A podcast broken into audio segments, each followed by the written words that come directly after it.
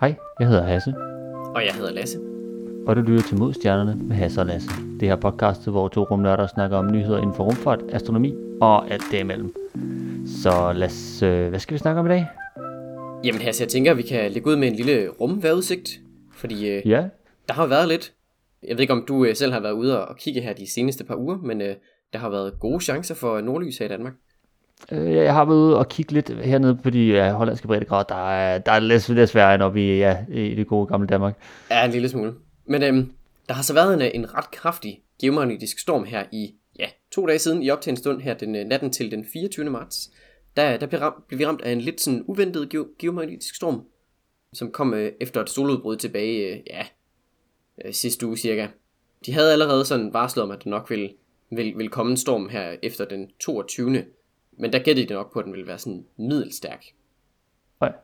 Men jeg, jeg så godt, der, der har været rimelig meget øh, nordlys øh, nede i, øh, i de danske egne også, og det, jeg kan godt forestille mig, at der har været gang i den. Ja, det har der. Det, øh, de, de regnede egentlig med, at lige præcis den her, når man sådan skal vurdere, hvor slemme de her geomagnetiske storme er, så bruger man sådan en, en G-skala, hedder det. Øh, Den går fra 1 til 5, og det er bare sådan, 1 er normal aktivitet, og 5 det er virkelig voldsom. Det er meget sådan, bare overordnet set. Det er bare så, man har et eller andet mål for det. Og de gættede på, at den her, den vil være et sted mellem 2 og 3, så sådan middel moderat. Og det viste sig så at være en 4, øh, som så er det, man okay. kalder en severe geomagnetic storm. Så øh, noget kraftigere, end man lige regnede med. Det var sådan lidt en lille sneaky en. Ja, fordi jeg kan godt forstå, at det kan måske være lidt øh, svært sådan lige at, altså man kan give et, godt bud på, hvad, hvad det nok vil betyde på jorden, men det er super svært at vurdere præcis, hvordan, og sådan regne sig frem til, ah, men det her det bliver en 4, men vi kan sige, det er en 2 eller en 3, det er nok øh, et godt skud, men ja, jeg hører godt, der har været en del af solpletter op på, på solen her over det sidste stykke tid, som øh, ja, nok kunne, øh, kunne give os lidt hernede på jorden. Ja, og det, det er så det, der har været tale om her. Det har været nogle, nogle solpletter, der nok har, har mødtes, og så lavet de der kortslutninger, hvor de slynger en masse materiale ud. Problemet er så lidt her, den her, det har været sådan lidt en, øh, en stealthy en. Den har, den har skjult sig lidt, sandsynligvis bag en anden, og, og så er de altså ligesom kommet frem samtidig. Det, det er lidt svært lige at sige helt præcist, hvorfor den er mere voldsom end normalt. Om det bare er en større mængde af lavede partikler, eller hvad det er. Det er ikke lige helt til at sige, men øh, Nej. der har i hvert fald været rigtig meget nordlys. Blandt andet så, så over i USA, det var cirka der, det var mørkt, da, med, da den kom frem, så det er der, man fik det meste af det her nordlys. Der har man så set, uh, set nordlys ned til New Mexico. Bare sådan breddegradsmæssigt, så svarer det til, ja, sådan Sydspanien.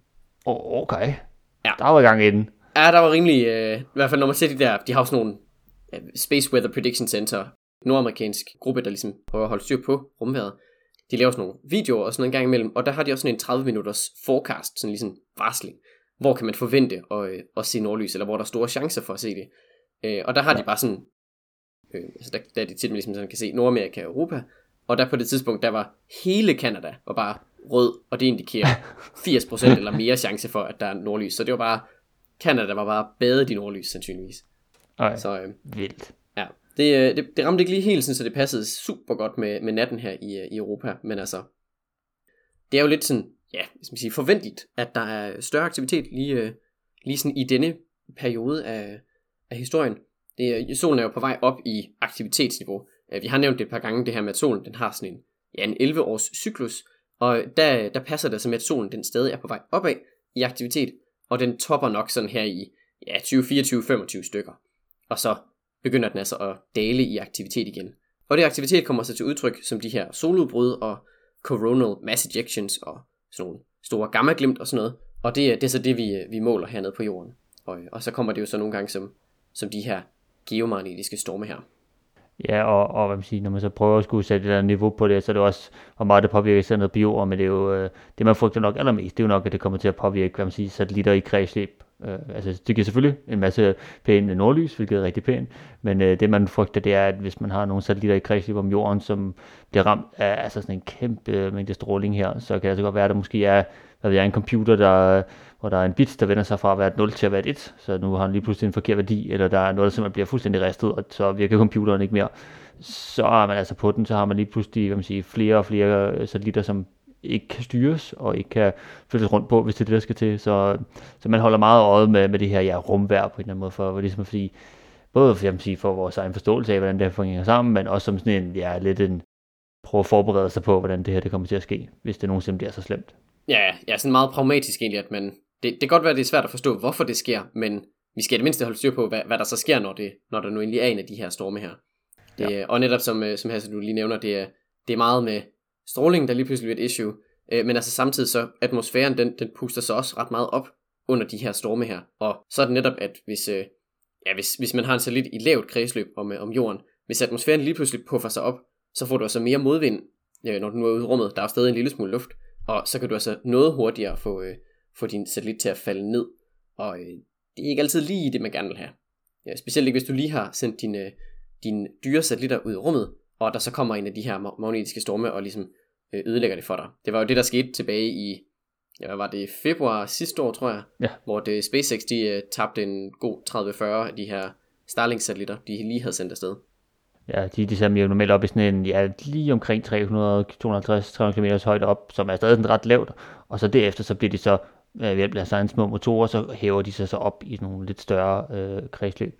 Men problemet er, at hvis du starter dernede, og der så er allerede nogen, der sige, skubber dig ned øh, fra starten af, så er du altså lidt på den, og det, ja, det sker desværre. Ja, så skal der så kæmpes, øh, kæmpes til for at komme op, og det, øh, ja, det klarede ja. de jo så ikke. Men øh, så vidt vi ved, ingen, øh, ingen der lige er, er gået tabt nu her af satellitter, men altså, det, øh, man skal jo lige monitorere situationen, holde øje med, at der ikke, øh, ikke går noget helt galt. Ja. Lige præcis den her storm var faktisk den øh, kraftigste geomagnetiske storm, vi har haft i en små 6 års tid. Rimelig, øh, rimelig hæftig, men øh, ja. Ja, det, det er nok ikke den eneste af den her slags øh, storme, vi får se. Der kommer nok nogle flere. Det, det er lidt det, som vi forventer. Ja. Men ellers så, øh, nuværende øh, situation, meget stabil solvind, kører stadig på de her, ja, en små 500 km i sekundet, og øh, vores KP-indeks, det ligger stadig på en 2-3 stykker, så meget sådan middel.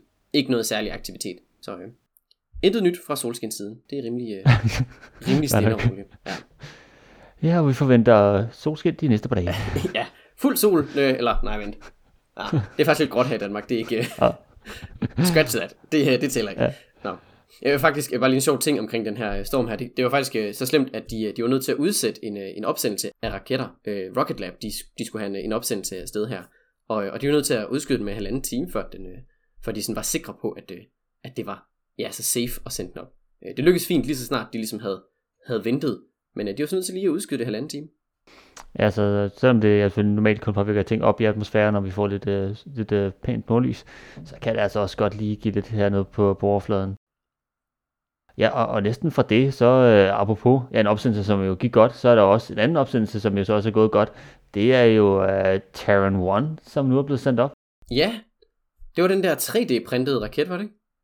Oh yeah, så det er jo Relativity Space, et øh, firma over for USA, som altså printer, altså 3D-printer raketten. Øh, vi skal nok lige lægge en video i noterne om, hvordan det helt præcis fungerer, så kan man ligesom se videoen, for jeg tror, det bliver lidt svært at prøve at forklare, men sådan, forestil jer, at man har sådan en, en, en, uh, sådan en, en drejeskive, lidt ligesom når man leger med ler, måske hvis man kan sådan huske på det. Og så, så i stedet for med ler, så bliver der simpelthen uh, sprøjtet høj, uh, med den her varm metal ud i en, ja, i en cirkel, mens den her... Uh, det her drejebord sådan drejer rundt, så man ligesom laver sådan en cylinder, og så arbejder du simpelthen bare højere og højere op, og så laver du simpelthen raketten øh, op, op igennem, som ja, simpelthen 3D-printer den. Ja, altså et, et, sådan lidt, lidt eller sådan graffiti på en eller anden led, ikke? Altså at man sådan sprayer det på. Altså sådan, måske lidt større partikler, ikke? Men altså sådan, ja. princippet er lidt, lidt derhen af. Ja, og så selvfølgelig rigtig meget varme, jo, øh, fordi jo, jo. det skal smelte. Øh, ja, ja, det er klart, og, det er klart. Ja. Øh, men det er altså deres Terran 1, som er deres første sådan ja, lille launcher, deres lille raket, som er ja, godt nok øh, ja, 35 meter høj, som jo er lige omkring rundetårn, eller som vi jo godt kan lide at bruge 35 rådyr. Ja, det er skide godt. Det er, det er vi jo alle sammen med på, hvis man lige stabler ja. dem. Ja, ja, men de fik sendt uh, Terran 1 op her den 23. marts på missionen Good Luck, Have Fun. Uh, så, uh, ja. God, godt navn, godt navn. Yes, og det er så simpelthen, som vi snakker om her, den første, altså næsten fuldt ud 3D-printet, den er ikke helt ud 3D-printet. Der er nogle ting, de simpelthen ikke kan 3D-printe, øh, men omkring 85% af den er 3D-printet i metal. Øh, inklusiv også en stor del af motorerne er simpelthen også 3D-printet, så det er så, øh, det, er, det er ret vildt, at man, fordi i, i princippet så kan du jo nu bare lave de her, altså ideen med 3D-print er, at du kan lave nogle lidt mere specielle former, fordi du simpelthen, du printer direkte ned på metallet, i stedet for at du normalt måske har en blok, og så skærer du noget fra, så starter du med ingenting og lægger ting til. Det er lidt som man, sådan, det er lidt en anderledes måde at gå på det, gå på det til, men det, det fungerer altså rimelig godt, kan vi se. Og øh, der var dog lige, at den ikke lige noget helt op i rummet. Ja, var, var det, en, det var en anden stadie, der lige pludselig fejlede efter Max Q, var det ikke sådan?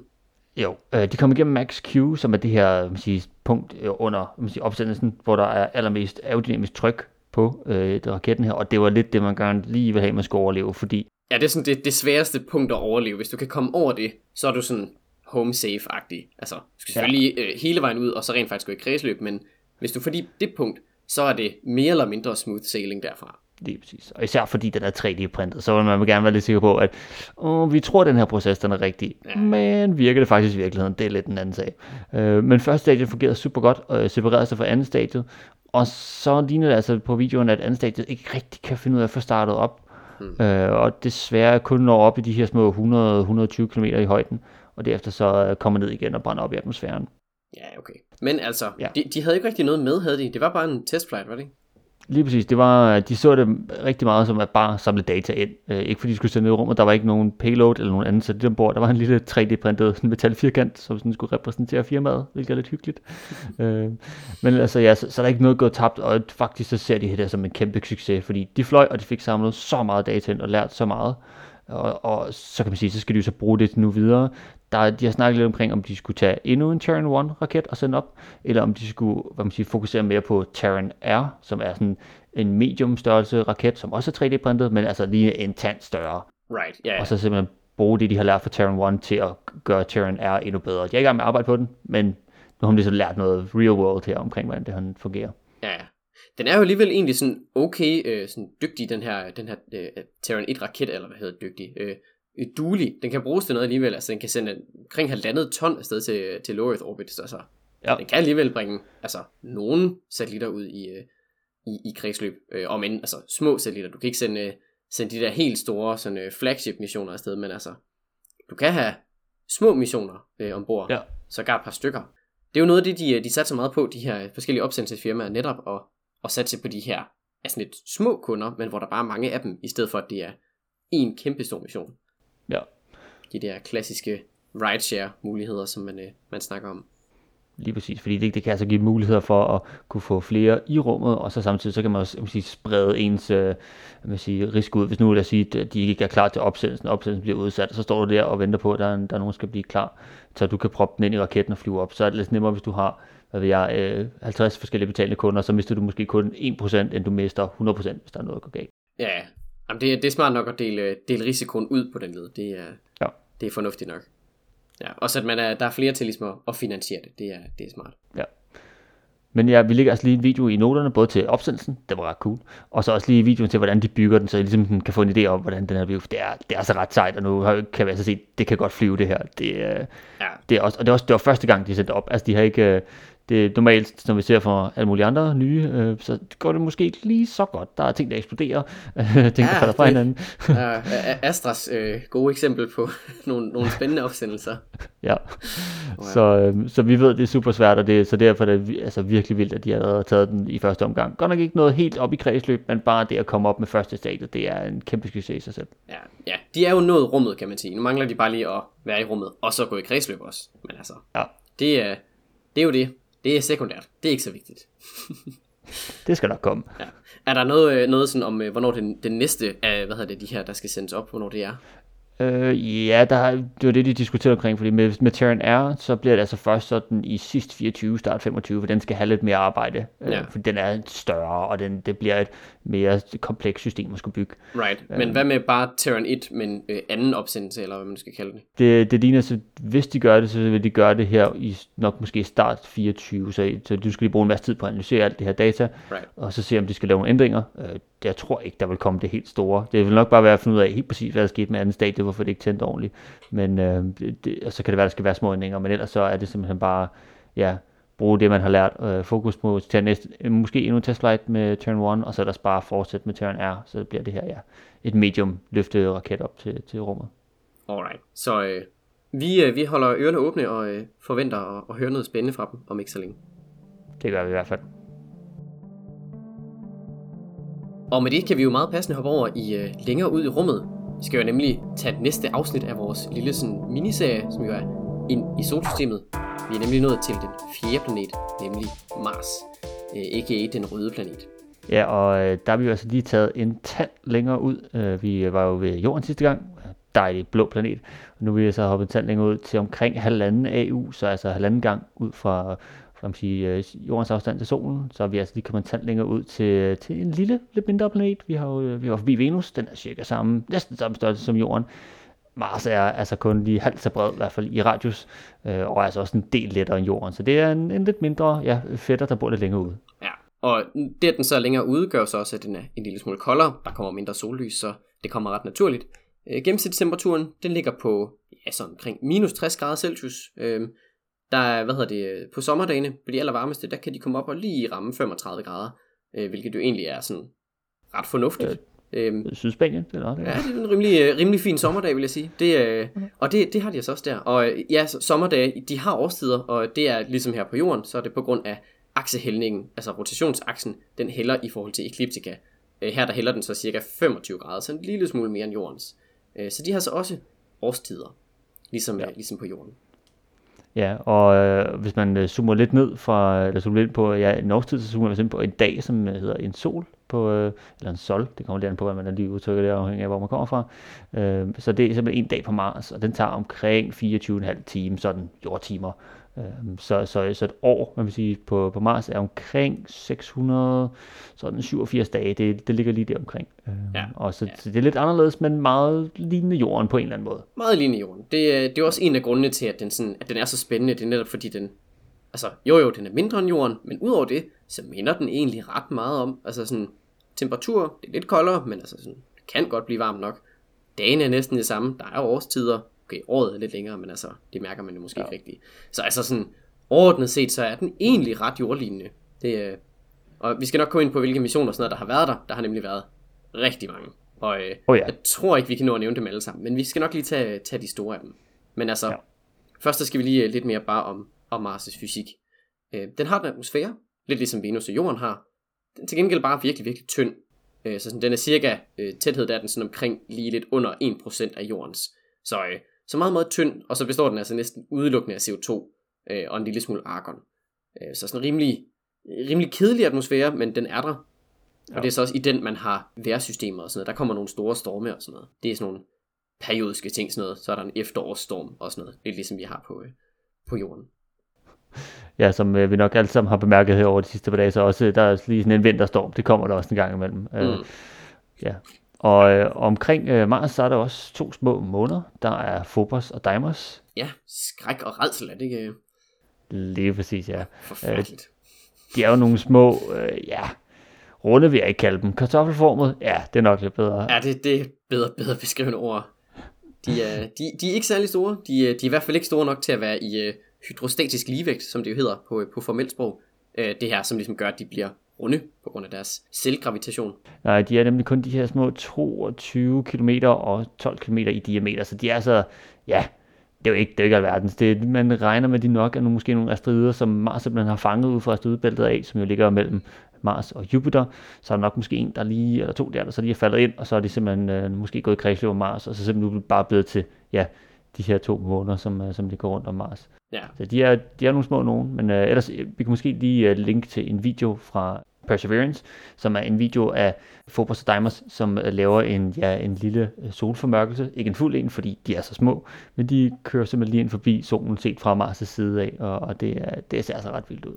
Ja, det er rimelig sjovt. Det er, sådan fra Mars' overflade, så, så er Phobos den store af de her, som også er tættest på. Den fylder cirka en tredjedel af månens øh, her fra jorden altså så ligesom hvis du går ud en aften og kigger på fuldmånen, så forestil dig, at den var cirka en tredjedel af størrelsen. Det er så stor øh, Phobos ligesom er på himlen, hvis du er på Mars. Så øh, ja. noget mindre, men altså, den er så også noget tættere på, så sådan overordnet set, så, så er de sådan sammenlignelige. Men øh, ja, du, øh, du nævnte lidt om det, at der har jo været missioner til Mars. Det har, det har der været. Det var jo ja, nærmest et af, de, øh, et af de første objekter, vi skulle hen til. Det, øh, det ligger jo tæt på, og, og er meget interessant at undersøge. Lige præcis. Fordi øh, vi, vi havde måske en god idé om, nu vi snakker om med, med Venus, at vi havde været lidt forbi der, øh, og især øh, Sovjetunionen var forbi, og det var sådan øh, ja, nogle lidt et spøjt sted at, at, at prøve at besøge, øh, i stedet man så fandt ud af, hvor både var varmt og var træls, og øh, det der nok var der. Øh, så kiggede man måske lidt længere ud og tænkte, nå, og der var også Mars, der kan vi måske også lige kigge hen. Og så fandt man ligesom ud af, at øh, efterhånden, som man fik sendt øh, man sige, målinger derud fra med satellitter, og der gik kredsløb og lander og rovers, så var det måske et ret godt sted øh, at, at tage hen og prøve at undersøge noget mere. Især også fordi, ja, vi har jo efterhånden prøvet at finde ud af, har der måske været vand på Mars? Der er ikke rigtigt i dag. Der er sådan nogle iskerner eller iskapper på, øh, på, på toppen og, og lidt på bunden også af, af Mars. Så vi ved, der er frosten is. Spørgsmålet er, har der været flydende vand på et eller andet tidspunkt? Det ja. er lidt svært at sige, men vi prøver.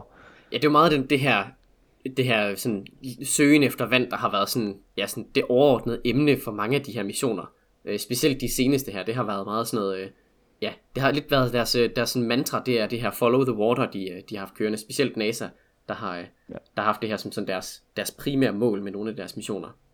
Ja. Men altså sådan, hvis man skal tage dem lidt mere historisk, så øh, en af de første, der ligesom kom derud, det var tilbage i 71, hvor øh, Sovjetunionen, de prøvede at, øh, at komme derud med deres Mars 2 mission, som var sådan en, en lille satellit og en, øh, og en lander. Og øh, landeren, den øh, ramte overfladen lige lidt for hårdt, det blev meget hårdt. de, de, de klarede den altså ikke. Og så havde de jo så, så ja, godt nok stadig deres, deres sonde derude. Så der fik man uh, ligesom en, en, en satellit derude. Ja, og så kom vi ellers til, ja, i samme år, øh, inden for ja, lige et par måneder øh, omkring hinanden, så kom Mariner 9 simpelthen op fra NASA af, øh, og var altså den første satellit, der kom derud. Øh, så, så, hvad man sige, så Mars 2 kom lidt senere, øh, men havde altså den her lander med. Men Mariner 9 var altså den første satellit, der gik kredsløb om Mars, og ja, omkring en, en anden planet. Vi havde jo været ude omkring øh, månen på det tidspunkt, der har vi jo lige været ude og besøge den i, i øh, 69, og nu her to år senere, så kommer vi altså til Mars. Øh, så, og det var altså... Øh, det var altså lidt spændende. Der var kamera ombord, og man begyndte nu at få en, en lidt bedre fornemmelse for, hvad er det, den her Mars øh, det egentlig kunne. Og så ja, igennem 80'erne, der sker der ikke det helt store. Nej, der er jo lige, øh, der er jo lige en sådan uh, ret, ret key. Der er, ja. der er Mars Pathfinder, som, uh, som jo var sådan en, en lander. Sådan en lille, der sådan landede, så kunne den folde sig ud. Og så på den, der var der en lille rover, som hed Sojourner. Som var sådan en lille, ja, var den størrelse med en mikron, sådan cirka ja, det, hvis man måske har set sådan en fjernstyret øh, bil, så, så føler jeg lidt, det er sikkert det omkring. Den er ikke, den er ikke voldsomt stor, men den er, den er lidt sød. Ja, ja den er meget cute, øh, og specielt ja. altså sådan af en, af en første rover, så, øh, så er den meget fin. Ja. Og så, øh, så var ideen, at den her øh, lille rover skulle, skulle køle rundt, og så øh, man sige, der er både et lille bitte kamera på, men det, det mest specifikke var, at der var et, et, et lille måleinstrument, der kunne lave spektroskopi, så de kunne simpelthen øh, prøve at kigge på, hvad var der simpelthen på overfladen, så man kunne se og tage målinger af overfladen, og finde ud af, hvad består det her egentlig af. Øhm, og så, så sammen med den her Pathfinder lander, så, øh, så fik man altså en rigtig god idé omkring, hvad er det egentlig, der er på overfladen af Mars, fordi nu, nu var vi der ligesom, og man sige, sidenhen, så er vi jo så er vi jo rykket lidt, må man sige. Øh, det er jo både blevet større, bedre og vildere. Ja, det, øh, man har så siden øh, Sojourner her, så har man haft øh, et ja, sådan, tvillingepar, om man vil, øh, Spirit og Opportunity. De fleste kender nok Opportunity, det var den, som, øh, som jo skulle have været der i, hvad var det, 90 dage, og endte med at være der i 14 år. Ja, det bliver præcis. Ja, og, øh, og Spirit, som så ikke klarede den helt så længe, men, øh, men det var så sådan et, øh, et tvillingesæt af, af rovers, som, øh, som altså også har kørt rundt på Mars' overflade, som jo sådan var ja, noget, noget af en opgradering, kan man vist roligt sige. De havde øh, store oh, ja. solpaneler, og øh, var altså, ja, sådan meget lille bil størrelse. Sådan øh, indkøbsvogn måske. Er ikke helt, hvad man kan sammenligne den med der, sådan størrelsesmæssigt. Ja, måske, øh, jeg vil ikke sige helt Nobel Corsa, men altså ja. så lidt mindre. ja, noget, noget af den stil. Ja, og så, øh, ja, og viste jo os simpelthen, hvor, hvor meget der, der er på Mars. Og så kom vi jo så senere hen med Curiosity, øh, som igen også virkelig viste os, altså hvor meget vi, øh, vi kan lave på Mars med nærmest et, et rullende laboratorie, er måske en god måde at beskrive de her rovers på, fordi der jo kunne lave altså, vilde videnskaber, hvor hun af jeg havde kunne spore små kerner ud, og andre kunne simpelthen øh, have en laser på, og, og simpelthen bruge den til at og, ja, næsten forstøve øh, over, hvad man sige, overfladen på Mars på nogle sten, og så kan man simpelthen se, hvad består den her sten af. Og øh, ja, senest skal vi jo altså også have nævnt Perseverance, og ja, den lille helikopter, der kunne Ingenuity. ja, det, og det er jo så de, de tre, vi har på overfladen, der lige nu tøffer rundt. Det er, det er dem, der er der lige nu, som, øh, som fungerer. Øh, de, ja. de andre, de er, de er alle sammen øh, desværre gået bort. Øh, enten så er de blevet tilsandet, eller holdt op med at virke på anden vis. Men øh, lige ja. øh, Curiosity og, øh, og Perseverance, de, øh, de kører jo med en, øh, en RTG, en øh, radioisotops termisk generator. Så det er sådan en, ja, i simple termer, så er det nærmest bare et lille atomkraftværk, de har i bag, og det er ligesom det, der er deres batteri. Ja. Og det, det dør på et eller andet tidspunkt, sådan langsomt så henfalder det her øh, ja, plutonium, der er inde i, som genererer varme, det, det henfalder lige så stille, så gradvist så bliver det altså mindre og mindre effektivt. Så på et eller andet tidspunkt bliver de nødt til at, at lukke for nogle af deres eksperimenter. Men øh, so far, so good. De, øh, de kører stadig. Ja. Og så der er jo også, som siger, ja, nu snakker vi jo så meget om vi fra, fra NASA og ESA og sådan noget, så har vi altså øh, Challenger 1, som har også har landet kom i, øh, i 2021 til, til Mars, men har været meget stille over det sidste stykke tid, skal vi ikke sige det sådan, og der har været lidt diskussion omkring, om den måske stadigvæk er operationel. Kina er ikke dem, der fortæller allermest omkring det, men øh, de, øh, de, de siger, at den stadig fungerer, men vi har ikke hørt noget, og I kender over normalt, så, så vi snakker om, så bliver der lidt koldt hen over vinteren, øh, og det kan nogle gange godt være lidt øh, sige, svært for, for nogle øh, rovers at overleve. Øh, vi så heldigvis, at uh, Ingenuity øh, klarede det helt fint, lukkede ned, og så startede fint op igen efter en lille vinterhi. Men øh, nogle gange, når, især når der er Kina her, altså den første gang, de har landet på, med, med, på, på Mars, så kan det godt være lidt svært. Med, så vi håber at høre noget mere fra Charwin 1, men øh, ja, det, det må vi vente og se på. Ja, det er måske ikke de bedste udsigter, men øh, ja, det, det kan være, der kommer et eller andet. Ja. Udover de her rovers, så er der selvfølgelig en, en hel masse satellitter og så videre, der er i kredsløb rundt om. Maven, Mars Reconnaissance Orbiter. Trace Gas Orbiter for ESA. Ja, præcis. Trace Gas Orbiter også. Masser. Der er, der er virkelig mange. Det, det er jo nok den, den planet, vi har sendt flest sonder og prober og satellitter hen til. Ja. Den er meget, meget spændende, og det er den jo altså en grund. Der er jo teori om, at der har været øh, et flydende hav på den nordlige halvdel af, af Mars' øh, overflade som så desværre nok er fordampet ret hurtigt, efter den ligesom blev dannet. Men øh, der har nok været en, en periode på nogle 100 millioner år måske, hvor der lige har været, øh, været varmt nok og vand nok til, at der måske er, er sket noget spændende. Så det er ligesom en af grundene til, at man synes, Mars er så, øh, er så sjov at undersøge. Det er ligesom, at er der liv der, eller har der været det? Det er, det er nok ikke så meget, om der er det lige nu, fordi det, øh, ja, det er forholdene nok ikke til. Men altså, øh, Nej det kan være, der engang har været noget simpelt, noget mikrobakterielt, et eller andet. Det, øh, det er jo det, de lidt, lidt prøver at undersøge. Der er jo den her, ja, der er de her Mars Sample Return, som jo ideen er nu med Perseverance, laver sådan nogle små, ja, pakker, sådan nogle små cylinderformede pakker, som den øh, efterlader efter, efter sig selv på, på Mars. De skal jo så ind i en lille, ja, en lille bitte raket, som skal op i kredsløb øh, om Mars, og så derfra øh, hen, det vil sige, sendes med en, en, øh, en, ja, en sonde, som er i kredsløb om Mars, tilbage til Jorden. Og så ideen er, at vi får altså, prøver direkte fra Mars' overflade, og med lige et par omgange har lige været rundt omkring nogle forskellige rovers og en raket og sådan noget, så, så er ideen simpelthen, at vi kan, finde ud af, altså med vores egne laboratorier hernede på jorden, som jo er lidt, øh, lidt vildere end dem, man lige kan proppe ind i en rover, så, øh, så vil jeg se, hvad er der egentlig deroppe på Mars? Er der noget, der kan tyde på, at der har været vand, eller har været en eller anden form for bakterielt liv? Det er altså det, vi øh, krydser fingre for. Og selv altså, ja, så er der jo masser af missioner, der er svendt. Der er jo selvfølgelig ExoMars Rosalind Franklin roveren fra ESA, som ja, desværre lige blevet, øh, ja. ja, den er lidt, øh, lidt forsinket jo. Der er jo en lille geopolitisk situation, der lige har, har gjort, øh, at den nok lige blev udskudt en lille smule. Ja. Ja, nu må vi se, om de finder nogle andre til at, til at komme afsted med. Det, øh, det var jo planlagt, at de skulle øh, arbejde sammen med Roskosmos om en... Ja, så skulle Roskosmos ligesom lande, øh, lave landeren, og så skulle ESA have den her lille rover ovenpå. Det er jo så nu blevet en lille smule, ja, blevet sådan lidt omstridt. Så øh, ja. der går jo nok lidt tid, men øh, afsted, afsted skal den nok komme. Det var, der går nok lige lidt, øh, lidt tid endnu, desværre. Ja, lige nu er den sat til, at man øh, selv skal bygge landeren fra, fra europæisk side af, og så dermed man sige, erstatte den Roskosmos han noget. Og så håber man, at man kan få sendt den op i 28 øh, med, med ankomst omkring 29-30, afhængig af, hvordan det lige kommer op, og hvordan det ledes. Øh, men øh, noget i den stil. Men omkring 28 regner man med, at den forhåbentlig er sendt op. Og i mellemtiden, så kan man selvfølgelig få udviklet den her lander, og så kan man selvfølgelig også lige få arbejdet på nogle små ting. Må man ligesom have lidt ekstra tid til lige, og hvis der er noget, skal opgraderes til Rosalind Franklin. Ja, ja, man kan jo meget passende lige øh, sørge for, at kameraet er up-to-date og så videre. Det, øh, der er meget, man kan nå at lave, hvis man alligevel skal gå og, øh, og vente på, at, at den der lander bliver klar. Ja. Ja, og ellers så vil man jo gerne se mennesker på Mars på et eller andet tidspunkt. Det bliver nok lidt svært. Der går nok lidt tid i hvert fald, men øh, oh, jo. ja, så en skøn dag skal de nok komme derop, men øh, lige nu der er de jo stadig i ja, forberedelsesfasen. Jeg tænker, at vi skal lige have de der skridt med Artemis-programmet med lige at op på månen igen, lige få styr på den del, og så skal vi længere ud af. Men øh, ja. en skøn dag, vi skal nok komme der. Det er bare, øh, der går nok lige, lige lidt tid. Jeg tror, et, et ikke ufornuftigt bud er nok 10-15 år. Minimum. Der er jeg også på, jeg vil sige en gang sidst i 40'erne. Sidst i 40'erne. Ja, okay. Ja. Ja.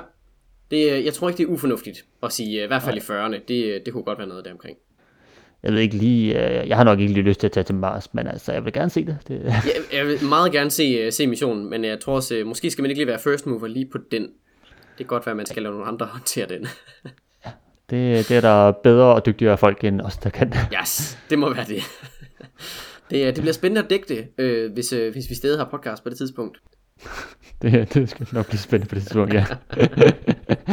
Oh, ja. Og, øh, Ja. Men øh, apropos ja, at skulle til, til Mars og tilbage til månen, så har Axiom også lige fået præsenteret deres øh, månedragter. ja, det så jeg godt. De er, øh, wow, de er meget cool. Det er funky. Det, det er jo meget, øh, altså hvis, hvis folk kan huske de der dragter, de havde på, deres EVA-suits under Apollo-missionerne, det er jo de her sådan grå, hvide, meget klonky, sådan den klassiske månemands øh, dragt, ikke? Ja. Øh, lidt den samme, bare noget mere sådan sleek design. Det er sådan, okay, det kan godt være, det er lidt for meget product placement, men det er sådan iPhone af, af EVA-suits. øh, sådan sort, sleek, der er nogle orange striber på, så den ser lidt cool ud. Altså sådan, den ser sej. Ja. Det ligner en racerbil i forhold til, til den der øh, Apollo EVA, de havde.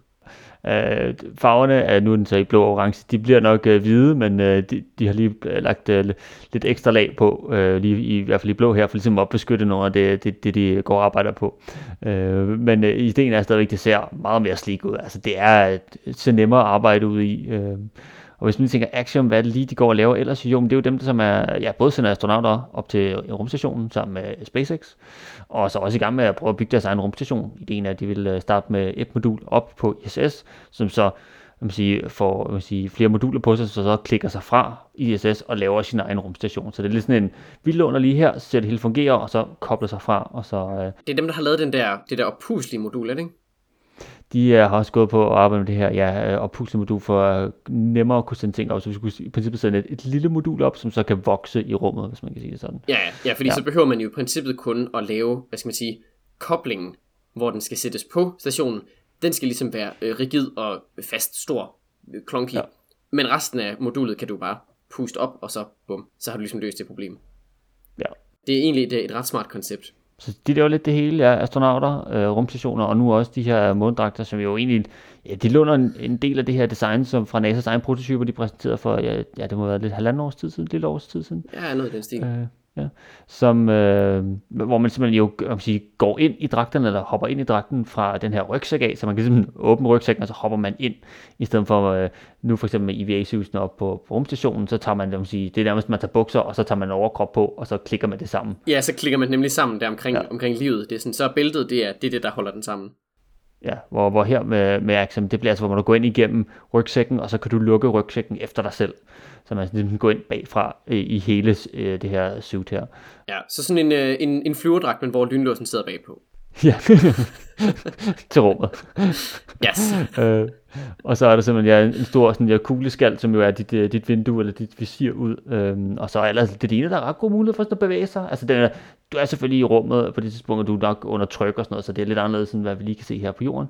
Men det ser ud til, sådan, altså sådan bevægeligheden virker til at være rimelig god. Ja, det var så også øh, notorisk dårligt med de der øh, Apollo suits, de havde. Altså, det var meget sådan, altså, du kunne knap nok bøje dig, altså sådan armene kunne du ikke rigtig bøje, du, du var nødt til sådan, ja, at, at flytte hele overkroppen, hvis du skulle øh, dreje dig og sådan noget. Det var øh, ikke, øh, ikke helt ja. vildt praktisk, men øh, det er måske lidt bedre med den her. Vi kunne så i hvert fald fingre for at, ja, at se, det bliver altså ret cool, hvis, vi, øh, hvis det, det kommer til at være noget af det, som ligner, øh, som Axiom skal sende op med, med Artemis. Det kunne være ret cool. Jeg gad også godt at se, hvis de lavede, øh, lavede nogle af de der farveskemaer lidt, øh, lidt spændende, i stedet for bare hvid. Det er, bare hvid er lidt sådan, ja okay, fint nok, men det må også godt se sejt ud. Det, jeg kan selvfølgelig godt forstå, at det er nok til for at reflektere solen en del, men ja, man kan Ja, godt ja, lige, kan man lige proppe lidt ekstra på her. Bare lige lidt hister her. Bare lige nogle fede decals eller et eller andet, flammer ned ad armene eller et eller andet, det kunne være cool. Ja, Gør den sådan lidt, uh, lidt Hot Wheels-agtigt, det, uh, det kunne være meget cool. det vil, det vil jeg gerne se, ja. Ja, det, øh, det glæder mig til den dag, hvor øh, astronauten får lov til at, at smide deres egne sådan, decals og design på og sådan noget. Det, øh, det kunne være rimelig cool. ja. Ja, Jeg tror ikke, vi skal lade internettet be- bestemme, øh, hvad der skal på. Jeg tror, at det ender galt. det tror jeg godt nok ikke, det bliver godt. Åh ja. Ah, skal, der bare, skal den hedde uh, Bodie McBoatface eller et eller andet? Space Suit i McSpace Suit eller sådan noget? Spacey McSpacey, ja. Ah, ah det bliver ikke... Uh... Nej, det får internettet ikke lov til. Det tror jeg simpelthen ikke. No way. Nå, men ja, tusind tak, fordi I lyttede med i det her afsnit. Hvis du har noget ris, ros, ting vi skal snakke om, gode spørgsmål, et uh, fedt design til en ny månedragt, så kan du sende os en mail ind på modstjernerne Husk, du også kan slide ind til DM's ind på Instagram, hvis du vil stille spørgsmål derinde. Og der kan du selvfølgelig også følge os ind på Instagram. Og så kan du selvfølgelig følge podcasten på din yndlingspodcast tjeneste. Vi snakkes ud næste gang.